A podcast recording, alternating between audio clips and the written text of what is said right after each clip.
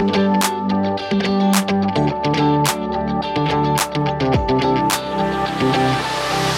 er jeg som er Tesse, Og det er jeg som er Amanda. og du hører på Bryllupssnakk.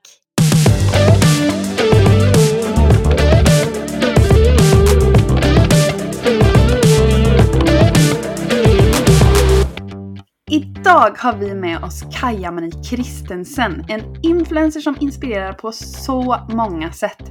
Förutom sin Instagram och ett fantastiskt flöde där så driver hon både en blogg, Youtube-kanal och numera Sunday podcast tillsammans med väninnan och kollegan Maria Sagvik. Kaja Marie valde att gifta sig utomlands med ungdomskärleken Fredrik och i dagens episode berättar hon mer om hur det gick till och vilka val de tog.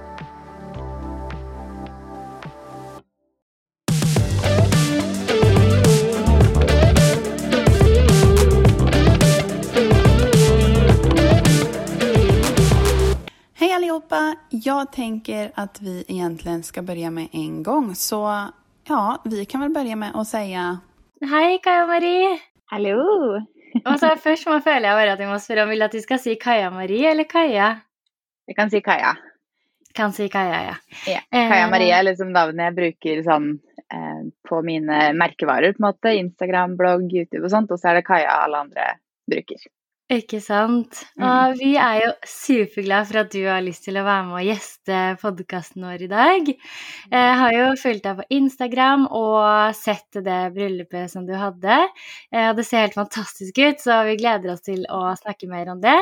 Men først så tenkte vi, fordi det er jo veldig sånn vanskelig ofte, syns vi, å svare på det Kan ikke du fortelle litt om deg selv-spørsmålet? Eh, Så vi har eh, funnet fire spørsmål med ting vi lurer på, så vi tenkte at vi bare starter med de for å bli litt bedre kjent med deg. Høres det greit ut? Det høres veldig bra ut. Mm. Eh, og det første som vi lurer på, er jo hvor er det du kommer fra, og hvor er det du bor nå? Jeg er fra Fredrikstad og bor nå i Oslo. Bodde i Oslo i wow, hvor lenge er det? Elleve år, eller?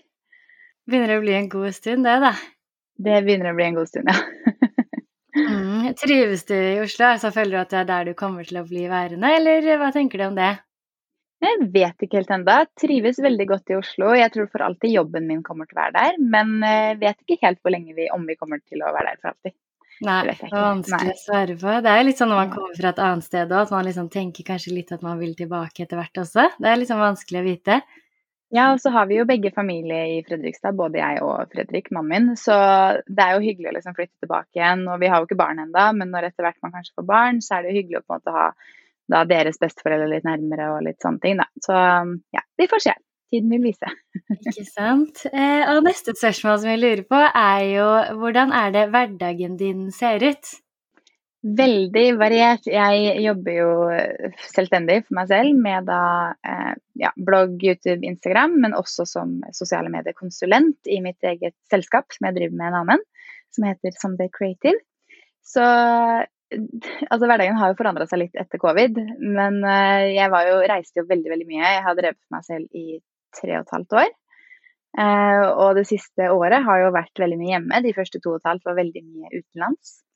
Men eh, hverdagene nå er jo ja, som regel samme rutine. Står opp, går i dusjen, sminker meg, ordner meg, går tur med Felix. Og så er det enten da hjemmedag med eh, full altså mail, produsere innhold til egne kanaler, YouTube, blogg, Instagram, alt det der. Eller så er det ut på innholdsproduksjon med da kollegaen min. Eller så er det eh, ja, hjemme på innholdsproduksjon. Altså ja. Så veldig varierte dager, men veldig kreative dager. Ja, det høres jo helt fantastisk ut. Det å kunne styre hverdagen sin helt selv og legge opp eh, sånn som man ønsker, da, det er jo en drøm for mange. Det er kjempedeilig. Mm. Så gøy. Altså, jeg, har, jeg følger deg jo begge to på Instagram og du legger ut helt Mm. fantastisk fine bilder. Altså, alt innholdet du legger ut er bare så gjennomført og bra, så det er veldig sånn stor inspirasjon for oss. Absolutt. Det er veldig hyggelig å høre. Ja, ikke sant? Men en ting som vi syns er litt morsomt å høre om òg, er jo, og som sier litt mye om en person, er jo eh, hvis du kan beskrive en perfekt morgen. Perfekt morgen. Det må vel være at jeg klarer å stå opp når vekkerklokka ringer, som er 06.30. Det skjer eh, sjeldnere nå under covid, fordi man har ikke så hektiske dager. Eh, men stå opp 06.30 Som regel så syns jeg det er deilig da å hoppe rett i dusjen. Skulle ønske at jeg var en sånn som bare syntes det var digg å bare trene på morgenen, men det, det, skjer ikke hver dag, for å si det sånn. Um, hoppe rett i dusjen, sminke meg, ordne meg, gå en tur da med valpen vår. Eller kanskje ikke så veldig valp lenger, men hunden vår. Og rett og slett da lage en god frokost, en god kaffe, og så på en måte sette seg med jobb. Det er vel egentlig det mest perfekte, for da er jeg liksom klar for jobbdagen når klokka er ja, halv ni, kanskje. Mm, det høres uh, veldig deilig ut. Eh, men vi har jo også mange mange spørsmål i forbindelse med bryllupet ditt. Eh, og vi har fått inn en del spørsmål fra de som følger oss også, så det virker som at det er veldig mange som er nysgjerrig. Mm -hmm. Så jeg tenker at vi rett og slett bare går direkte over på det, at, sånn at vi skal rekke alt. Fordi det er så mye mm -hmm. vi lurer på, vi også. Eller hva tenker du om det, Amanda? Eh, ja, jeg sitter her stenklar nå for å begynne med bryllupsspørsmålene. og jeg jag vill absolut först höra om hur det gick till när ni förlovade er. Kan du inte berätta om det? Oi, det er, hvor lenge er det nå? Det er snart fire år siden. I juni, faktisk. Eh, det var, vi hadde jo da vært sammen i Gud, jeg klarer ikke å holde koll lenger, men syv eller åtte år eller noe sånt. Eh, og jeg er litt sånn som er vanskelig å overraske. Fordi det er jeg som er planleggingspersonen i det forholdet her. Så hvis han begynte å prøve å planlegge noe, så var det veldig lett at jeg klarte å gjennomskue det. Så å planlegge noe, det var vanskelig. Og jeg var jo sånn hver eneste reise vi var på da siste to åra eller noe sånt, tenkte jeg hm, kanskje det skjer nå. Men det gjorde jo ikke det, fordi det hadde hvert fall opplagt. Så det skjedde rett og slett en eller annen ukedag. Han hadde vært på jobb på Det var jo i juni, da.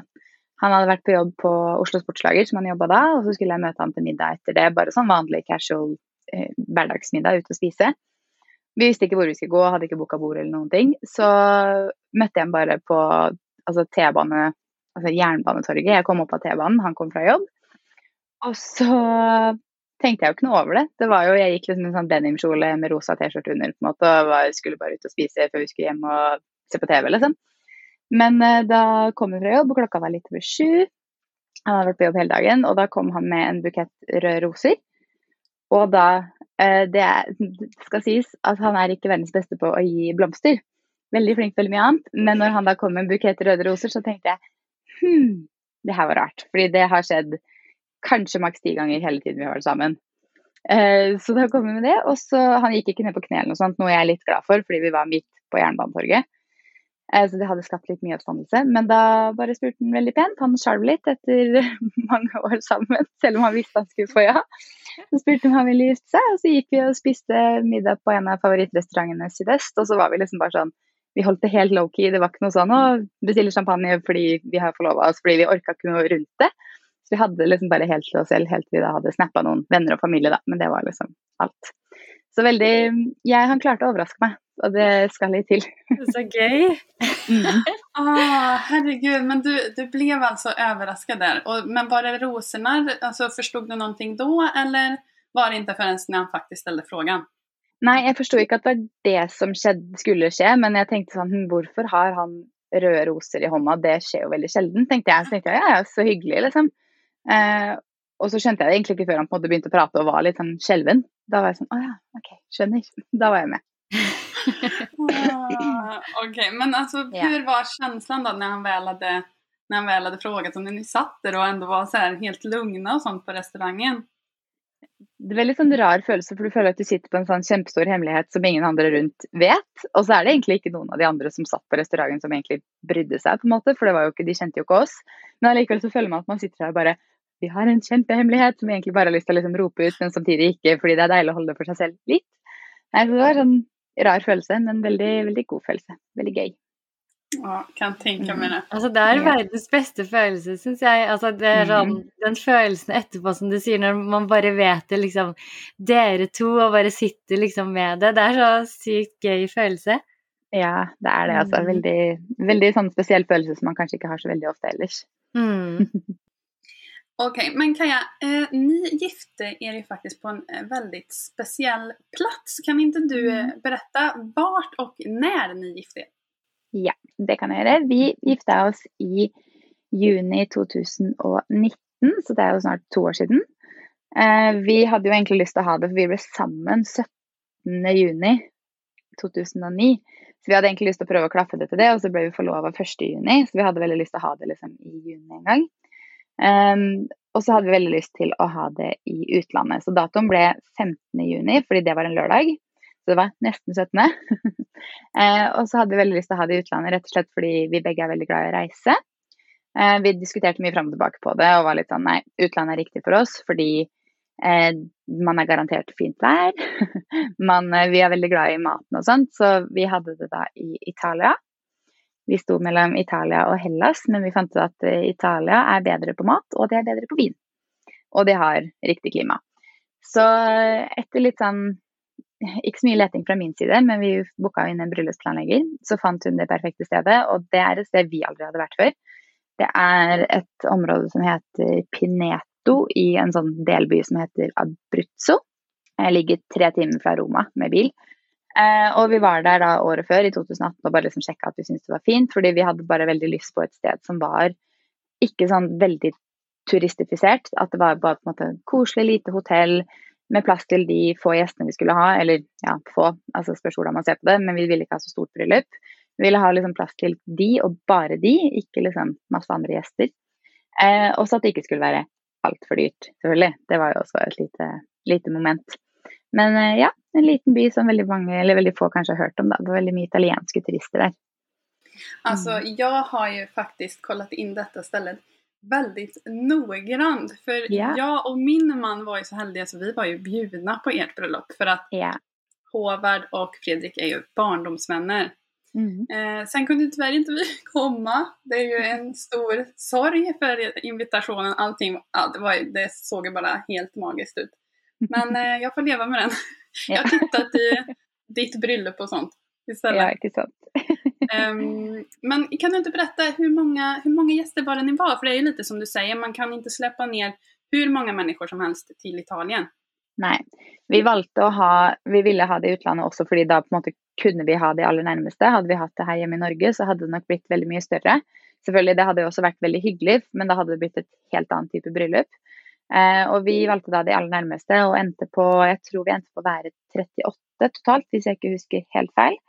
Eh, og det var da liksom vår aller nærmeste familie og våre aller nærmeste venner. Så vi hadde vel ja, ca. halvparten familie og halvparten venner. Og det var jo såpass at vi ikke engang kunne invitere søskenbarn, fordi vi da ble det adda på nesten Hvor mange ble det? Ti personer til, eller noe sånt. Så vi begrensa det til da eh, tanter og onkler og besteforeldre og foreldre och syskon følger da med kjærester og venner. Han, känns det som att det var ett bra val ändå. Det är ju många brudpar som tänker på det nu i och med corona.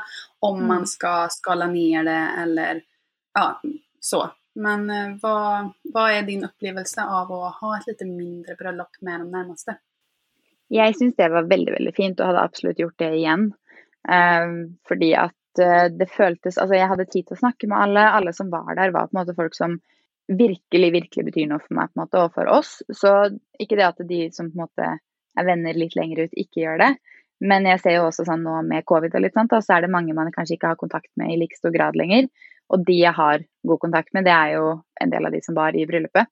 Hovedsakelig, på en måte. Så jeg ser jo at det, det ga kanskje mer følelse av liksom helhet, og jeg føler at de jeg har snakka med av venninner som har hatt store bryllup, de har sagt at de ikke har rukket å prate med alle engang.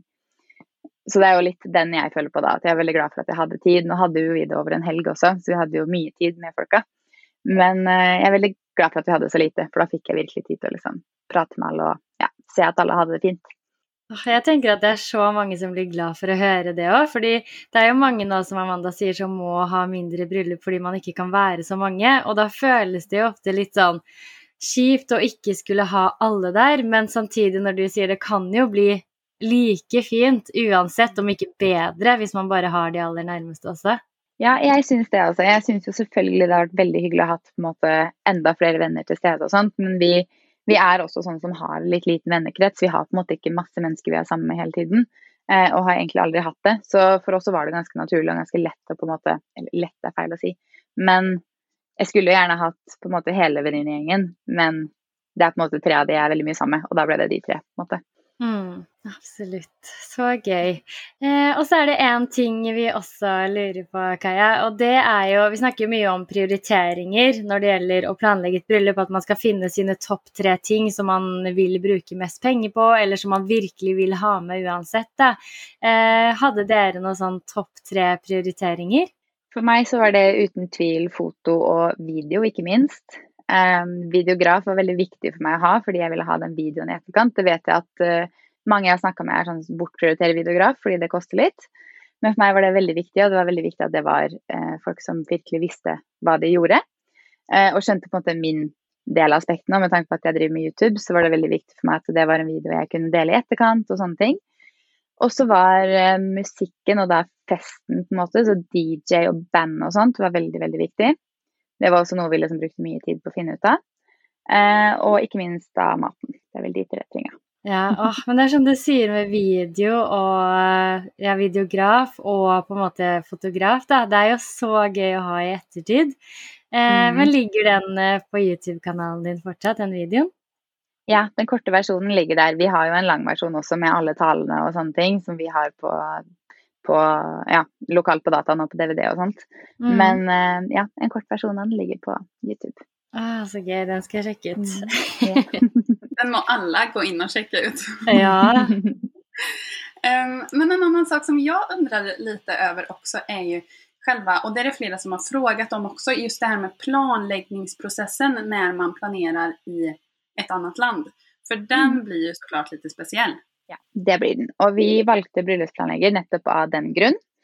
Fordi at det å For det første så hadde vi det i Italia, og det å snakke med italienere og prøve å ha en dialog på hva som funker og ikke funker, det, altså, det er jo vanskelig når man er på ferie der. Så det er i hvert fall vanskelig hvis man sitter i hvert sine land. Eh, så bryllupsplanlegging var liksom ganske tidlig for meg veldig sånn Det skal vi ha, særlig hvis vi skal ha det i utlandet. Og først så snakka jeg vel med noen norske bryllupsplanleggere som planlegger i Italia. Men jeg følte på en måte ikke at det var helt riktig. Jeg følte ikke at de helt forsto hva jeg på en måte ville. Og så var det vel en tidligere kollega av meg som hadde funnet en britisk planlegger som bodde i Italia, som skulle planlegge da hans bryllup. Eh, og så snakka jeg med henne, og hun var helt riktig. Og hun var fra det området jeg, vi gifta oss i. Så hun, det var liksom, hun klarte, hun kunne snakke italiensk og snakka flytende britisk, så det var så lett å kommunisere med henne. Eh, og hun, ja, hun, var veldig veldig flink på veldig mange aspekter, så jeg føler jo at bryllupsplanlegger er kanskje et lite crew for å ha det i utlandet. Mm, absolutt, Jeg kan tenke meg òg, at det var mye lettere å planlegge hvis man har en bryllupsplanlegger, istedenfor å sitte hjemme og skal finne ut alt selv. Da burde man i hvert fall reise ned ganske mange ganger for å få det til, da. Det er nettopp det, og særlig sånn i forhold til leverandør på kaker, leverandør på blomster. Eh, alle de lokale som er gode på musikk, lokal foto og video. For jeg hadde ikke lyst til å ha med alt det over fra Norge. Så det at hun da på en måte kjente folk og hadde vært i bransjen lenge og visste hvem som var gode på hva. Og i Italia så er det jo ikke sånn at man man må kanskje kjenne for å vite hvem som er bra, på en måte. For du kan ikke bare google deg fram til det, for de er ikke så avanserte at det er kjempebra der, da, sånn som man er i Norge. Så og de har kanskje ikke engelske nettsider og sånt, så det er litt sånn vanskelig å navigere. Så da hjalp det veldig å ha henne, altså. Mm. mm. Men hvor lenge var det du faktisk, eller ni da, planla bryllupet? Hvor lang tid tok det? Jeg begynte vel å planlegge altså tanken på hvor vi skulle ha det og litt sånne ting, begynte jo den samme sommeren som vi forlova oss. Jeg tror vel kanskje at jeg til sammen brukte halvannet år, men igjen så var det etter år så uh, etter et halvt år etter vi forlova oss, så fant jeg bryllupsplanleggeren og begynte å booke inn henne og gå i dialog med henne om hvor vi skulle ha det. Og når da stedet var booka inn, vi hadde vært der i juni 2018, og litt sånne ting, så var det på en måte ganske rolig et halvt års tid. Fordi det var ikke så mye som skjedde før vi på en måte begynte å snakke om de tingene som måtte bestilles litt nærmere. Så vi brukte vel halvannet år, men vi brukte ikke aktivt halvannet år. på en måte. Ja. Forstår. Men det må jo bookes inn litt tidlig for at man skal få det stedet man vil ha til riktig helg og sånne ting, da. Mm. Mm. Men jeg tenker bare mm. på én ting også som er veldig viktig. Eh, brudekjolen. Hvordan var prosessen med å finne drømmekjolen? Var, eh, tankene mine begynte med at jeg hadde lyst til å designe min egen. Eh, få en syerske til å på en måte lage en egen kjole til meg. Men den forsvant litt. Jeg vet ikke helt hvorfor den på en måte falt litt fra. Men jeg fant et australsk merke som heter Grace Loves Lace. Og jeg var veldig opptatt av at jeg ville ikke ha, i og med at vi skulle ha det i Italia og vi skulle ha det på en strand, så ville jeg ha en kjole som var veldig på en måte sånn passende til hele settingen. Jeg ville ikke ha en kjole som var veldig bløtkake eller veldig sånn elegant. Altså jeg måtte ha en kjole som passa til settingen. Så en litt bohemsk kjole, og jeg er veldig glad i mye blonder og sånne ting. Og når jeg fant da Grace Loves Lace, så følte jeg bare at jeg trenger egentlig ikke designe min egen, fordi de har så mange fine. Så det begynte der, og jeg dro til London, for de har showroom i London. Eller sånn, du kan komme og prøve i London. Så da dro jeg dit med forloveren min og da min mor og Fredrik sin mor. Eh, I september før vi gifta oss, så under et år i forkant. Eh, og prøvde kjoler. Og da var jeg også et par andre steder og prøvde kjoler. Men utradisjonelle steder. For jeg var bl.a. på Harrods og prøvde kjoler der for å se på lyse kjoler som ikke var brudekjoler. Um, og det, det fikk meg også, Jeg var på Harrods først, og det fikk meg også til å føle at ok, det var ikke riktig. Og når jeg da kom på Grace Loves Lace, så var det på en måte veldig mye mer riktig. Så ja. Det var egentlig en ganske sånn enkel prosess, for jeg prøvde ikke noen brudekjoler her i Norge eller noen ting, faktisk. Ingen sånne brudesalonger.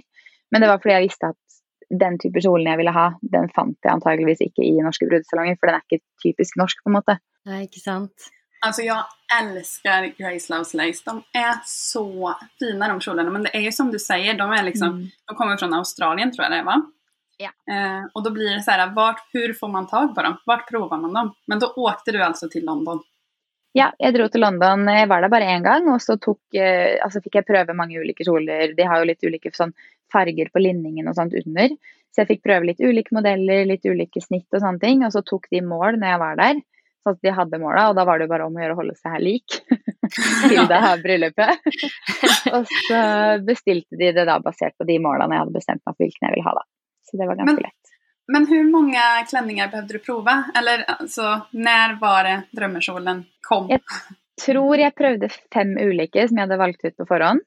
Eh, litt for å teste litt ulike snitt og sånne ting. Og så var det vel to stykker jeg endte opp med å stå mellom til slutt som jeg satt sånn jeg, hadde aldri det momentet hvor jeg var sånn Det her er kjolen.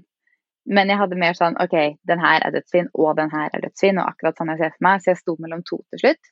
Eneste forskjellen som var på de, var at den ene hadde veldig store sånne blonde Altså store sånne blomster i mønsteret, og så hadde den en splitt på siden. Ganske høyt på låret. Og så var det egentlig ikke så mye annen forskjell, den var ganske lik på ryggen. Og den andre hadde da mye mindre blomster og kanskje litt lengre slep, men ikke noe splitt. Så det var egentlig eneste forskjellen. Så det var litt vanskelig å velge mellom de, for de var på en måte såpass like, men allikevel ikke. Eh, men jeg fant jo til slutt ut av hvilken jeg skulle ha, så det ble jo den da uten splitt med litt lengre slep. Men eh, nei, jeg hadde aldri det momentet, for jeg, man går liksom litt og venter på det momentet hvor man bare sånn Det her er kjolen, fordi man ser at det er det som på en måte er greia. Mm. Men jeg, nei, jeg tror også det, det som ja, du hadde ikke mm. det. Men jeg bare tenker sånn eh, Det som også er, da, er jo at eh, det er så mange fine kjoler at man kunne jo også Altså, man kunne jo valgt mange av de, fordi det er jo så mange fine. Det er jo ikke liksom bare én som er fin. Så jeg tror Nei, jeg det er man ikke får det. Jeg vurderte jo faktisk å ha to for å kunne bytte. Eh, fordi jeg etter hvert tenkte at det kom til å bli slitsomt. Det er jo ganske varmt der, og det er jo ganske sånn fuktig klima utover natta og sånne ting. Så jeg tenkte at utover kvelden så ble det slitsomt med den lange kjolen. Men når jeg prøvde den på, så var den såpass lett, i og med at det også er et australsk merke, så var den jo laga til et litt annet klima. Så den var såpass lett og fin å ha på seg, og så hadde den en sånn eh, knapp bak rett over på en måte ved halebeinet, som jeg kunne da henge opp slepet på. Så jeg slapp å liksom gå med det slepet da utover kvelden når vi skulle danse og sånn, så kunne jeg bare kneppe opp den, og så var på en måte kjolen sånn, en vanlig lang kjole. Så det var helt perfekt. Ja, det hørtes ut som et lurt triks. mm. Absolutt. Men med hår og sminke og sånn, hvordan løste du det når du var i Italia? Man må jo sikkert tenke litt på hvordan man skal ha hår og sånn med tanke på klimaet òg? Det gjorde jeg faktisk selv. Jeg vurderte å få med meg noen fra Norge, men, eh, men fant ut at det er ganske dyrt ha med noen ned. Og jeg skal også ærlig innrømme at jeg har jo blitt sminka og styla på håret noen ganger. Og jeg vet ikke, jeg blir liksom ikke alltid Jeg føler meg ikke som meg når noen andre gjør det, så da tror jeg jeg brukt mye tid på å finne den som virkelig traff på en måte meg. Og så styler jeg meg så mye i hverdagen, så jeg ville helst bare være sånn jeg på en måte pleier å style meg på håret, så det virkelig var meg. Eh, og så fikk jeg testa sminke en del i forkant, for jeg reiste veldig mye i 2019, så jeg fikk jo testa mye sminke i da varmt klima i forkant av bryllupet, så jeg visste litt hva som funka og fikk en del gode tips av en del kontakter og sånne ting på det. Så jeg styla meg selv, og jeg hadde da hair extensions, eh, som jeg også valgte å ha til over bryllupet, fordi når jeg krølla håret, så holdt krøllene bedre i extensions. Det falt veldig lett ut i mitt hår. Men så lenge det holdt i extensions-håret, så holdt på en måte mitt litt bedre også. Så da var jeg litt sånn, da visste jeg at krøllene kom til å holde utover kvelden, i hvert fall til en viss grad. Så nei, jeg var litt prøving i forkant, og så fant jeg ut at nei, like greit å bare gjøre det selv. Fordi mm. italiensk makeupartist er vel kanskje ikke noe jeg ville helt gått for. Jeg ser for meg svarte øyenbryn og rødt leppestift og bare blå så ut. Yes, det er det jeg så for meg òg. Eh, ok, Kaja, men en sak som jeg syns er veldig rolig med bryllup og ja, som har med bryllup å gjøre, det er jo det her med design og hvordan alt skal se ut og färgpaletter. Så jag undrar såklart om du hadde noen tanke kring det, til, til färgpalett till? Eh, ja, jeg altså Jeg føler at jeg har vært veldig involvert. altså Det er jo jeg som har planlagt bryllupet i hovedsak, men samtidig så har jeg hatt en veldig flink bryllupsplanlegger som veldig tidlig catcha veldig mye av det jeg ville ha. Så jeg tror nok ikke det hadde blitt sånn så bra som det ble om det hadde vært bare meg naturlig nok. Jeg valgte å opprette Pinterest-board. Hvor jeg lagra liksom alt jeg likte i forhold til fargepalett, i forhold til blomsterbukett, i forhold til alle sånne elementer i forhold til sånn man har på et strandbryllup, kanskje, som jeg så for meg kunne være fint. Eh, og så fant jeg jo tidlig ut at fargene jeg ville ha, var litt sånn gammel rosaaktig, for jeg syns det er veldig fint. Og da miks med hvitt, og så ville jeg ha en del grønne blomster. Så det ble liksom hovedsakelig da gamle rosa og hvitt som på en måte var fargetema, og så ble det grønt i litt sånn dekor og sånne ting. Eh, så det var vel egentlig ganske tidlig at jeg fant ut at jeg ville ha det, men det er fordi jeg er veldig, veldig glad i rosa. så det var ganske naturlig for meg, og heldigvis er mannen min med på ja, det jeg vil på sånne ting. Eh, ja, så det var egentlig det det ble, ja. Jeg tror ikke det er så mye mer bakhistorie om eh, fargepaletten enn det, men ja, ganske enkelt egentlig. mm, høres jo veldig fint ut, det.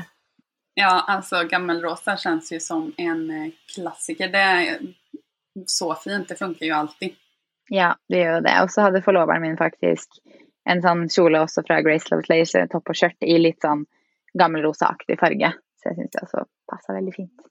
Ja. Eh, men også andre tanker kring design og sånt. Og dere hadde jo veldig morsomme invitasjoner. ja, de ville jo at skulle henge, på, henge, sammen med det at du skulle ha bryllup i utlandet. Så det ble jo Invitasjonen var jo et eh, nå husker jeg nesten ikke engang, et boardingpass. Eh, så det ble liksom som en sånn Det ble veldig passende da med hele temaet vårt, da. Så det følte jeg at var liksom veldig viktig. Jeg syns jo selvfølgelig at det er veldig mange fine eh, invitasjoner der ute som jeg kanskje ville hatt hvis jeg hadde hatt bryllup i Norge. Men akkurat nå så følte jeg at det var veldig passende med et sånt ja, kart og destinasjon og litt sånne ting. Um, og jeg fant faktisk designet på Etsy. Så jeg scrolla bare Etsy etter invitasjoner, og så dukka det opp der. Og så tenkte jeg, og så fant jeg akkurat riktige fargekoder i forhold til hva bryllupsplanleggeren min hadde, og så bestilte jeg det på Etsy. Så det var egentlig ganske, ganske lett. Perfekt. Mm. Mm. Det høres veldig fint ut. Altså så kult med boardingpass. det høres ja. jo veldig, veldig gøy ut. Eh, men kan du ikke også fortelle litt om, for du sa at dere hadde bryllup en hel helg. Kan du fortelle litt om hvordan alt var lagt opp? Mm. Vi hadde det fra torsdag til søndag, ble det vel faktisk. Jeg og Fredrik og forloveren min og deler av familien hans var der faktisk fra mandag av. Så vi var der en hel uke. Men så begynte da gjestene å komme på torsdag. Og da på torsdag kveld Noen kom jo også på fredag, men de aller fleste kom på torsdag. Vi var litt sånn at vi fikk uansett booke hele hotellet fra torsdag til søndag. Det var booking torsdag til søndag eller på en måte ingenting. Altså. Så bookingen var uansett torsdag til søndag, og da var hele hotellet blokka ut til oss. Så da tenkte vi at da kan jo folk bare komme torsdag om de vil. Og det var det heldigvis mange som ville.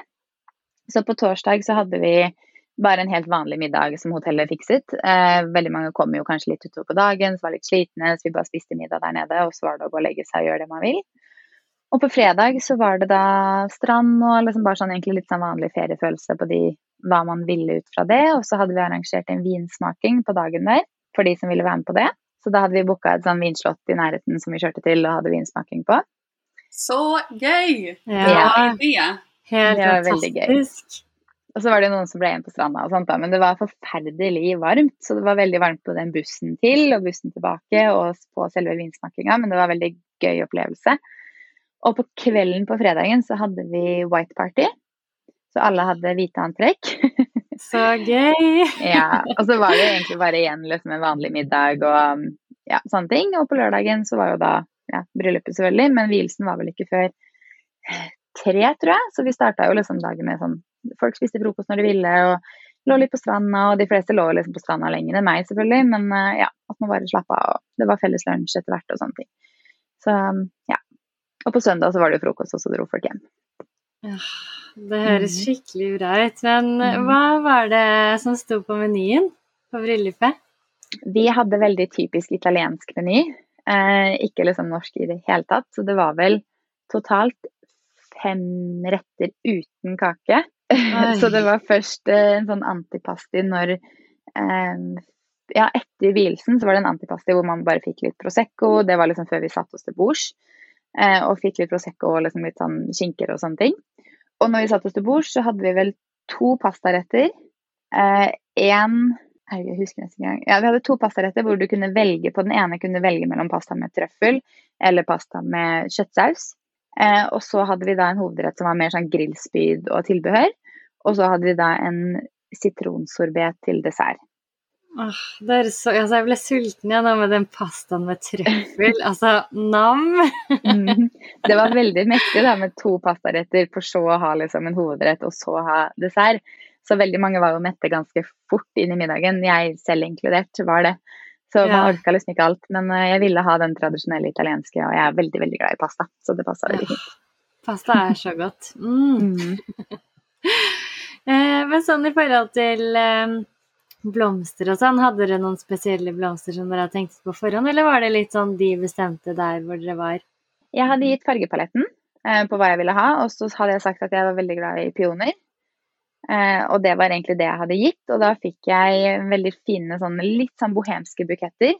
Både på alle bordene, og jeg husker til og med at vi på tirsdagen eller noe sånt, så ba jeg om å få enda, booke enda mer blomster. For jeg syntes det var litt lite det de på en måte hadde bestilt inn, for jeg ville veldig gjerne ha veldig mye blomster. Så jeg bestilte enda mer, og det var eukalyptus, og det var på en måte mye grønne elementer, men også blanda med en del rosa i forskjellige toner. da. Så det var en del, mange forskjellige blomster i bukettene. Men uh, ja, jeg hadde ikke gitt liksom noen spesifikke annet enn pioner og fargepaletten. Mm, så bra. Eh, og så bare med vielsen og sånn, det syns jeg er litt gøy å høre. Det er jo med Hvilken sang var det dere gikk eh, inn og ut til? Vi hadde Ed Sheeran. Den Og hva heter den sangen igjen, da? Står det helt stille? Det her burde jeg jo liksom ha forberedt på forhånd, så jeg hadde huska det. Men vi hadde Ed Sheeran-sangen, den typiske som alle hørte på den tiden. Den kjempefine. Jeg husker ikke. Er det den Perfect? Ja, Perfect. Ja. Den hadde vi. Mm. Eh, og så hadde vi en veldig fin sånn uh, symfonisang. Det var vel når vi gikk ut at vi hadde den. Og så hadde vi en veldig sånn fin sånn typisk sånn klassisk bryllupssang på vei inn. Den husker jeg i hvert fall ikke navnet på, for det er en sånn veldig spesielt navn på. Men uh, lillebroren min har bl.a. spilt den på fiolin i begravelser og andre, andre bryllup og sånne ting. Jeg hadde håpa at han skulle spille det i vårt bryllup, men han er Når vi gifta, så var han 15 eller 16, og ikke synes ikke det var veldig kult å spille fiolin i bryllupet mitt. Det er sånn typisk alder ja, hvor man ja. ikke kanskje vil det. Nå hadde han ja. sikkert gjort det, tror du ikke? Kanskje. Han blir 18 i år, så mm, litt usikker. Kanskje gitt den et par år til, så hadde han kanskje gjort det. du hadde fått muta til han. Ja, det er sant. ja, ikke sant. Nei, så vi hadde en sånn veldig fin sånn Jeg husker jo selvfølgelig ikke hva den heter, men en veldig fin sånn sang vei inn. Og så hadde vi da et Sharon Perfect vei ut. Og så var jo vielsen på stranda. Mm med da vannet i bakgrunnen, som på en måte bakgrunnen er også det alle satt og så på. Så det var jo veldig varmt å stå på denne stranda midt på dagen. Men, eh, og vi fikk jo litt andre tilskuere som lå på strandene bortover. Men eh, det var en veldig fin veldig fin vielse. Alle gikk barbeint og Åh, så fantastisk. Nå får man jo også ekstra lyst til å reise siden det er så lenge siden. Så når man hører om et sånt bryllup på stranden og sånn, da blir man jo helt sånn åh, kanskje jeg skal gjøre om alt og bare flytte det til Italia. Ja, ikke sant. det var deilig. Men jeg tenkte også på, fordi vi har jo snakket en del om det i våre kanaler og sånn også, og mm. snakket om at, om jeg skal ha first look eller ikke. Hva hadde mm. du? Vi hadde first look eh, for oss selv, på en måte. Det var også en ting jeg veldig gjerne ville ha, for jeg ville veldig gjerne ha hans reaksjon på en måte bare oss to, da. At ikke det var når jeg da kom ned til vielsen. Så vi hadde jo, før vielsen var, så hadde de funnet et sted som lå litt bak hotellet, som var en sånn eh, oliven Altså det var masse oliventrær, det var på en måte en åker, da, hvor det var ja, masse strå og oliventrær og sånne ting. Så han hadde jo dratt dit først, og så kom jeg da med en litt sånn gammel italiensk bil etter han. Så han ble stående midt ute i enga der. Stakkars, han var jo så varm der han sto midt i solsteiken i lindress. Det var så varmt, men uh, det var veldig hyggelig, og vi hadde liksom droner og film. Altså det var jo folk som filma overalt, fordi de skulle jo ha det her på film. Så tok bilder og sånne ting. Men det var en veldig fin greie, for da ble det på en måte bare vårt øyeblikk, og så dro vi sammen tilbake og da hadde han jo allerede sett meg til vielsen, men det er jo allikevel liksom noe spesielt å se ser man hverandre på vielsen uansett, selv om man allerede har sett hverandre. Men eh, jeg syns eh, first look var veldig fint å ha for seg selv. Ja, fordi det er jo Mm. veldig sånn Det er jo Altså nå var det jo en stund siden du giftet deg også, og foreløpig Mm. også er det ikke så veldig vanlig i Norge at man har det. Det kommer mer og mer, tror jeg. Og Mm. jeg var sånn i starten bare sånn Det skal jeg ikke ha, og var sånn helt uaktuelt og sånn, men nå vil jeg jo absolutt ha det. Fordi det er jo som du sier, den derre stunden med dere to, da, Mm. alene uten at uh, alle de andre øynene skal sitte og stirre på dere. Uh, Ja, det var så, ja. veldig sånn koselig øyeblikk, på en måte. Selv om han var veldig varm, stakkars, så var det en veldig sånn jeg vet ikke, Han fikk på en måte se meg første gang uten at noen andre hadde sett meg først, bortsett fra selvfølgelig forloveren min. Så det var en sånn veldig hyggelig greie som vi på en måte bare hadde for, for oss selv. Så jeg anbefaler det, altså. Ja, det er så romantisk, syns jeg. Så jeg tenker at flere burde vurdere det. Men man må gjøre sånn om man vil, selvfølgelig. Men det er bare Jeg tror mange ikke tenker at det er så romantisk som det faktisk er, da. Det er veldig Ja, det tror jeg også. Mm. Nå var jo jeg også veldig opptatt av at eh, jeg ville at vi også skulle være ferdig med bildene før Um, altså før vi på en måte gikk og møtte gjestene. Så det var også en del av hovedgrunnen til at jeg ville ha en first look, for da kunne vi ta first look, og så kunne vi dra og ta bryllupsbildene våre, og så kunne vi dra og være sammen med gjestene istedenfor å forsvinne en time eller to mellom vielse og middag, på en måte. Mm. Så det var også en av grunnene til at vi på en måte ville gjøre det sånn. Selvfølgelig, da ble det jo bilder midt på høylysdag hvor det var som varmest, men de hadde veldig fine steder vi kunne ta bilder der, og det passa veldig fint, så da var det liksom deilig å bli ferdig med det, da. Mm. Mm. Ja, det er også et veldig bra tips i forhold til first look. At man slipper å komme inn til vielsen, og så må man forsvinne fra gjestene i en time Mm. eller en og en halv time, liksom. Men så kan man bare har ta man det der. grått ja, så har man kanskje grått mye i hvilelsen. Man gråter jo litt når man ser hverandre første gangen også, men ikke på Ja. samme måte. Så da har man på en måte fortsatt sminke, og man ser ikke så rød ut i øya og sånne ting ennå. Så det også hjalp litt. Vi tok jo noen bilder på stranda også litt ut i middagen når vi fikk den solnedgangen og sånt. Eh, og de er jo ikke så close up, for da hadde man jo grint så mye. Ja. Så de er litt lenger unna. Å, det høres så fint ut. Eh, men hva er det beste minnet fra dagen, eller har du sånn en, et spesifikt minne som du liksom er det aller beste? Selvfølgelig er jo first look og altså, det syns jeg jo var veldig veldig hyggelig. Men jeg må vel si at det absolutt beste minnet, som jeg ikke har noe videoklipp nesten fra eller noen ting heller, det tror jeg er når vi måtte flytte oss inn på hotellet og dansegulvet åpna og sånne ting. For da hadde vi en DJ som vi bytta DJ ved midnatt, for da hadde han andre vært jobba så lenge, så vi fikk ny DJ. Og vi hadde da et band som spilte, hvorpå han ene spilte saksofon. Eh, og de to kjente hverandre fra før. Så han spilte, og han andre spilte saksofon rundt om i rommet der. Og så sto alle, altså gamle og unge, og dansa.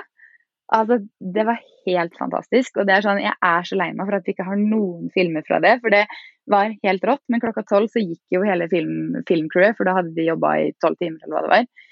Så vi har nesten ingen filmer. Og folk hadde lagt bort mobilene, så folk glemte jo å filme. Folk gjorde ingenting, folk, folk bare kosa seg. Men det tror jeg nok er det absolutt beste minnet, når alle bare hoppa rundt der inne, og han spilte saksofon rundt oss, og han DJ-en var helt rå. Så det må nok være det beste. Ah, det høres Mm. helt fantastisk ut. Og det er så gøy med sånne typer minner òg, som ikke er helt Altså det blir bare sånn moment i selve dagen, da. Ja, det blir jo det. Så ja, det er nok det aller beste, liksom det jeg husker først, på en måte. Hvis man snakker om det, så er det jo veldig mange andre øyeblikk i løpet av dagen som er veldig, veldig fine også. Selvfølgelig. Mm. Men ja. Ja, det är så coolt. Jag menar, Mm. och då, då var ni ändå ganska snabba på det här med att ha saxofon. Det har ju blivit mer och mer populärt nu de senaste åren, men mm. jag menar, då var ni tidlig ute. Det skjedde egentlig litt sånn tilfeldig, tror jeg. Fordi at vi booka det bandet først. Eh, og han, da var det liksom fiolin og saksofon og en som sang og sånne ting. Og så kjente jeg at det var egentlig en ganske fin dynamikk, og hadde sett på en del ting de hadde gjort tidligere og sånt også. Eh, og så ble jo han DJ-en vi hadde fra midnatt, han ble jo hastebooka inn uka før. Fordi jeg spurte Jeg regner med at DJ-en kan være til vi må lukke dørene på en måte til klokka tre, eller hva det var vi fikk lov til å holde på. Og da sa hun bryllupsplanleggeren at nei, han, han går klokka tolv. Og så sa jeg det går ikke, vi må ha en DJ etter klokka tolv. Og da fant hun en ny en, og han var jeg bare sånn ja, han er sikkert bra, du har ikke tid til å tenke, jeg har ikke tid til å sjekke, det er sikkert kjempebra. Og så var det da helt tilfeldig at de to kjente hverandre, hadde spilt masse sammen. De hadde, altså sånn I etterkant så har jeg sett de to, den duoen, veldig mange steder. Eh, så jeg tror liksom at de egentlig var en sånn ganske kul duo som var rundt på steder, men så visste ikke jeg at det var det vi hadde booka. Rett og slett. Grym. Ja.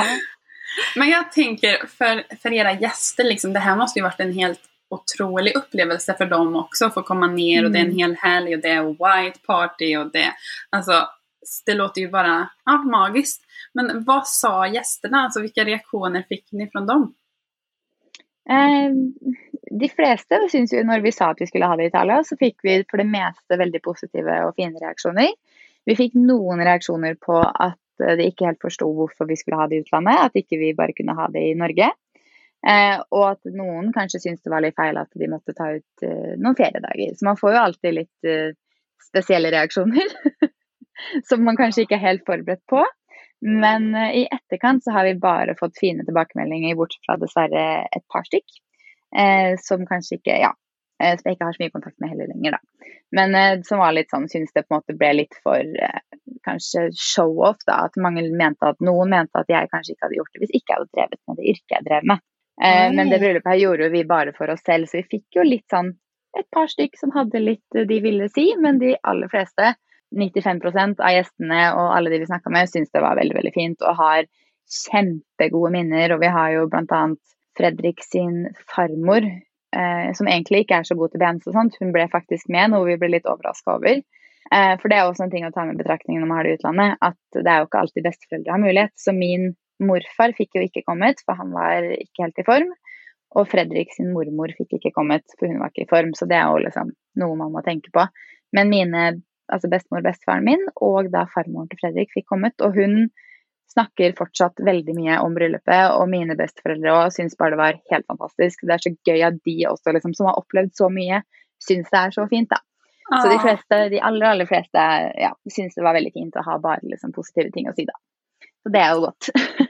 Ja, men det er så Mm. kjipt. Altså, jeg tenker sånn med reaksjoner, bare sånn jeg snakket om faktisk med samboeren min her en dag, da.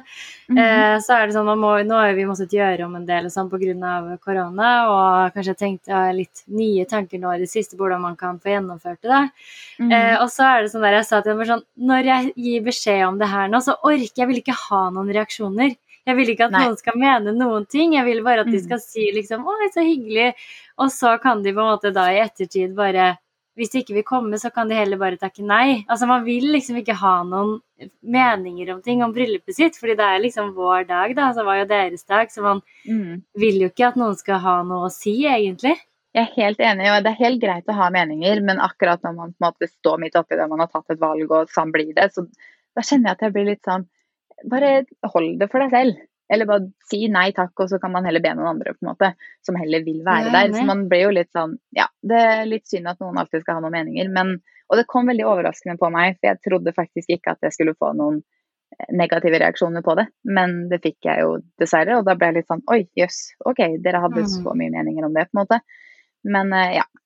Det vil vel alltid være litt sånn, tror jeg. Mm, absolutt. Dessvärre, selv om det å bli bjuden på et bryllup er jo alltid bare en stor ære, egentlig. Så Ja. det borde jo bare være positivt. Men ja, Mm. Mm. tyvärr kan det jo være så. Ja. Men vet du vi har en fråga også som vi selvfølgelig må stille deg eftersom du faktisk er gift. Og det er jo om du skulle gifte deg i dag, skulle alt sett likadant ut? Jeg tror faktisk det. Det eneste jeg angrer på, er, som jeg ville gjort annerledes, er at jeg skulle gjerne hatt mobilen oppe litt mer og tatt litt mer bilder underveis. Fordi eh, jeg eh, sa jo til alle mine gjester at når vielsen var, så ville jeg ikke at noen skulle ta noen bilder av meg. Eller de kunne godt ta bilder, men jeg var veldig opptatt av at for når jeg skulle legge det ut på sosiale medier, så skulle jeg være den første. Fordi alle mine følgere var jo litt nysgjerrige på hvordan kjolen så ut, og hvordan bryllupet var, og jeg ville være den første som la ut noe. Og når jeg sa det, så tror jeg veldig mange ble litt sånn OK, jeg skal bare la mobilen ligge helt, jeg skal ikke ta et eneste bilde. Så jeg er litt sånn Sånn i etterkant så angrer jeg litt på det, for jeg har på en måte ingen selfies med venninner, jeg har ingen på en måte bilder som bare er sånn tatt med mobilen. Fordi jeg var såpass streng på at jeg vil ikke at noen skal legge ut noe. Men jeg sa jo egentlig aldri ikke ta bilder. Jeg sa bare jeg vil heller at dere på en måte skal være i nuet og få med dere vielsen, istedenfor å sitte og se den gjennom telefon. Men det er klart, jeg kunne kanskje sagt at det går helt fint å ta et par-tre bilder, bare ikke sitte med telefonen oppe hele tiden. på en måte. Så det angrer jeg litt på. Jeg har liksom ingen sånn bilder av bare liksom meg og brødrene mine f.eks. Vi har jo fotografens bilder, men jeg skulle gjerne liksom hatt noe med mobilen også, da. Så er noe bilder ble tatt. liksom. Ja, Mm. og noe ble jo tatt, for noen hadde jo mobilen oppe en gang iblant, men det var liksom ikke så mange som jeg hadde kanskje håpa eller ønska i etterkant. Mm, kan forstå. Ja, behind the scenes hadde vært morsomt å ha litt mer av, men det var jo jeg som var streng, så jeg kan jo bare skylde meg selv. men et tips til andre i hvert fall, da, som eh, kanskje tenker det samme. Jeg føler at nå Jeg hadde nok vært litt sånn som deg, egentlig, men nå må jeg tenke litt om. Bare det derre mm. at man ikke vil at man skal ha opp mobilen, men da kan jo også folk bli redd for å ta den opp, bare. Og ta ja, fordi... noen små bilder, liksom meg, min intensjon var egentlig at jeg bare ikke ville at de skulle sitte og glane i den hele vielsen. Um, jeg ville at de på en måte skulle kanskje la den ligge under vielsen. De kunne godt tatt ett eller to bilder på vei ned der, eller når vi sto der, men la den ligge under vielsen. Men jeg tenkte jo ikke at de skulle la den ligge hele dagen. Men det er jo et godt tegn fordi folk koste seg så mye at de lot telefonen ligge. Men jeg hadde jo håpa at sånn som da den utover kvelden, da, at jeg hadde hatt litt mer bilder og videoer fra liksom kvelden vår og liksom sånne ting da, som var med mobil. Men mm. det er jo bare lærdom til andre. At man ikke bør være så streng på det. Ikke sant. Mm. Men nå som du har giftet deg og har gjort deg noen erfaringer, hva er dine beste tips til kommende brudder? Bryllupsplanlegger. Ja. det var så deilig å ha planlegger. For det, altså, bare det å slippe det stresset med alt på en måte sånne småting som skal fikses, som hun bare tar seg av, det var altså så behagelig. Og jeg er veldig glad i å planlegge ting selv. Men jeg er kanskje ikke så glad i å planlegge så store ting. Så jeg syns det var veldig deilig at noen bare holdt i alle de småtingene som jeg ikke liksom visste at jeg trengte. Eller altså, når skal det bookes inn, når skal ting fikses? Hun her hadde jo liksom steinkoll på alt. Så det er nok absolutt mitt beste tips. Har du mulighet? Og det, for vår del så kosta det ikke så mye mer å ha henne i tillegg, faktisk. Så det var verdt det. Det det kosta, var verdt det i min tid. Da kunne jeg heller bruke tiden min på å jobbe og tjene penger, og så kunne hun da bruke tid på det hun var god på. Så det er nok mm. mitt beste tips. Mm. Ja, det er helt, altså jeg er helt enig med deg, fordi mange tenker jo også sånn, men det er så dyr investering å ha noen til å gjøre det. Men samtidig så må du jo bruke ekstremt mange timer selv på å gjøre research på ting som du kanskje kunne brukt på å jobbe, som du sier, det. Mm. Eh, så det blir jo veldig sånn hvordan man ser på det. Fordi det å få ting Nå hjelper jo Amanda meg med mitt bryllup, for jeg er min mm. bryllupsplanlegger. Og hvor sykt digg det er å bare si sånn Jeg ser for meg at vi vil ha det og det, liksom, og så gjør hun researchen og finner forslag. Mm. Altså, den, det er en så luksus og en så mye bedre måte å planlegge bryllup på enn det jeg hadde fått til selv. Da. Definitivt. Så det er jo Jeg hadde nok bare blitt mye mer stressa hele veien på en måte, hvis jeg skulle holdt i alt selv. Så ja, det er veldig, veldig deilig, og du slipper den Jeg har jo bl.a. en venninne som planla hele bryllupet sitt selv, og jeg så jo litt hvor stressa hun var når det nærma seg bryllupet. Jeg var jo ikke sånn i det hele tatt, nå er vi kanskje to litt forskjellige personer også, men hun på en måte stressa mye mer, fordi det var mye mer sånn koordinering av ting som kanskje en bryllupsplanlegger tar seg av, da. Så det er bare sånn som at et eller annet mat kanskje ikke dukka opp, ikke sant, og så fikser planleggeren det ved å finne ut noe annet, og så ja. Det er bare sånne småting mm. som det gjør at ting blir litt lettere. Ja, Mm. Ja, jag kan, ju, jag kan ju inte annat än att hålla med. Veldig bra snack. det er veldig sant. Mm. Men eh, en ting vi må spørre deg om også, fordi eh, vi pleier å ha en sånn this or that på slutten, så vi tenkte at vi mm. skulle ta én sånn this or that med deg òg, fordi eh, jeg og Amanda er jo én av hver med less is more og more is more. Hva, hvilken mm. brud er du? Less is more eller more is more? Jeg er nok eh, more is more. Mer enn less is more. Mm. Ja. Ja, ja. det er det. Vi hadde jo faktisk også en iskremvogn. Fordi jeg så gjerne ville ha uh, mer iskrem der nede. Så ja, jeg er nok definitivt en Morris is. Så jo mer elementer og ting jeg kan dra ut av ting, jo morsommere er det. Dere gjester var i hvert fall mette også, kan vi jo si da. Ja. ja, det var de.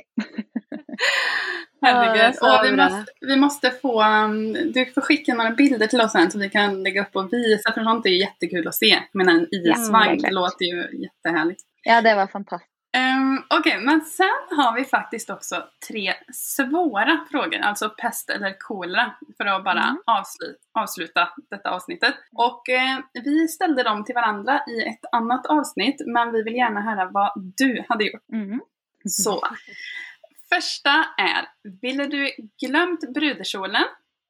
Eller at fotografen gjorde en fel så du ikke fikk noen bilder av dagen? Heller glemt brudekjolen. Motivering? Jeg hadde nok eh, lettere funnet en ny brudekjole på en butikk der nede. som antageligvis var ganske fin, enn at jeg hadde funnet, eller fått tilbake bildene. Altså bildene er mye viktigere for min del. Ja, jeg tror det var det vi landa på, vi også. Ja, Mm. Tessa, du var litt usikker. Ja, jeg, jeg ville hatt brudekjolen. Men det spørs om man hadde fått tak i en Eller jeg vet ikke, det er helt umulig å svare på. Men eh, det spørs om man hadde fått tak i en brudekjole, eller om man bare måtte gå med en annen kjole, da. Altså sånn Og jeg hadde med meg en blå, ja, da blir det den, da. Ja, for jeg tror for min del så hadde jeg en veldig sånn bohemsk, lett kjole. Så jeg tror for min del så hadde det vært lett å gå på Eller lett hadde det nok ikke vært, men om jeg hadde gått i en butikk og funnet en hvit, litt lang blondekjole, så hadde jeg på en måte kunnet bruke den. Jeg, Ja. tror, jeg tror til og med jeg kunne brukt kjolen jeg egentlig hadde på meg på White Party på fredagen, i bryllupet, i worst case. Ja, ikke sant. Mm. Ok, neste er eh, gifte seg med mensen. Og da snakker vi altså eh, verste dagen mensen. Eller Eller gifte seg med fett hår. Og da snakker vi også fett hår. Mensen. Ja. Uten tvil. Fordi det kan man holde i sjakk på en helt annen måte. ja. Fett hår kommer alltid til å synes på bildene, det gjør ikke mensen. Nei. Veldig sant. Helt enig. Ok, Tesse, skal du ta siste, eller? Ja, og den siste er Ville du spydd på den som viet dere, eller sagt nei ved et uhell? Oi, den var vanskelig. Kanskje heller sagt nei ved et uhell, for da kan du hente deg inn igjen med en gang. Hvis Mhm. du spyr på den som vier deg, så er det veldig mye som må fikses opp i, føler jeg. ja, Det er veldig sant. Og da kanskje du faktisk er syk, så da kan det hende bryllupet ikke blir noe av. Ja, det Så kanskje Det- heller nei. Tenk at vi sist, og jeg og Amanda, ville begge spydd på den som viet oss. Men jeg tror ikke vi tenk... Ja, men fordi jeg bare tenker sånn Hvis man sa nei, eller sånn Jeg tenkte hvis liksom min eh, samboer hadde sagt nei ved et uhell, så hadde jeg jo tenkt at han egentlig mente nei. Skjønner litt hva jeg mener? Sånn. Ja, Det sånn, var det ja. første Mm. som kom ut av deg, var egentlig et nei. Ja, Det beror jo litt på hur man alltså om man sier nei, eller jeg mener ja. Det er skillnad mot si nei. Mm -hmm. for jeg så for meg den første der hvor det Ja. er sånn nei, nei, å ja, jeg mente ja. Og så skylder på at man Ja. å nei, det er litt mye for meg i dag. Ja, Ja, heller det. Ja, Mm. det er sant. vi, vi ja. ikke så så her, så vi spydde heller alltså. Det er ganske sjukt att vi gjorde det. Veldig mye vask opp og rydde. Ja, det hadde blitt veldig mye. Ja. Nei. Men eh, da føler jeg at vi virkelig har eh, stilt tusen spørsmål om bryllupet ditt. Altså, vi kunne sikkert sittet der mye mer, men uh, tusen, tusen takk for at du delte så mye med oss. Det var så inspirerende og gøy å høre på, Kaja. Vet ni vad, vi har ju glömt alla, alla läsarspörsmål. Å, oh, jösses! Vi, vi bare tok tog helt av her, vi. Vi fastnade. Ja, vi hadde for mange spørsmål. Så tusen, tusen takk for at du delte med oss, eh, Kaja. Det var eh, så inspirerende og gøy å høre på. Tusen takk for at jeg fikk være med. Det var veldig hyggelig. Det var jo litt hyggelig å gjenoppleve bryllupet sitt litt igjen òg. For man eh, har på en måte bryllupet, og så blir det på en måte ja, lagt bort litt. Ikke sånn ment, men ja, man glemmer det jo liksom litt igjen, sånn ish. Så man snakker jo ikke om det hele tiden. Så det var veldig hyggelig å snakke litt om det igjen. Ja, men så bra. Og yeah. tusen takk til alle dere som også hørte på. Så snakkes vi igjen om en uke. ha det! Ha det!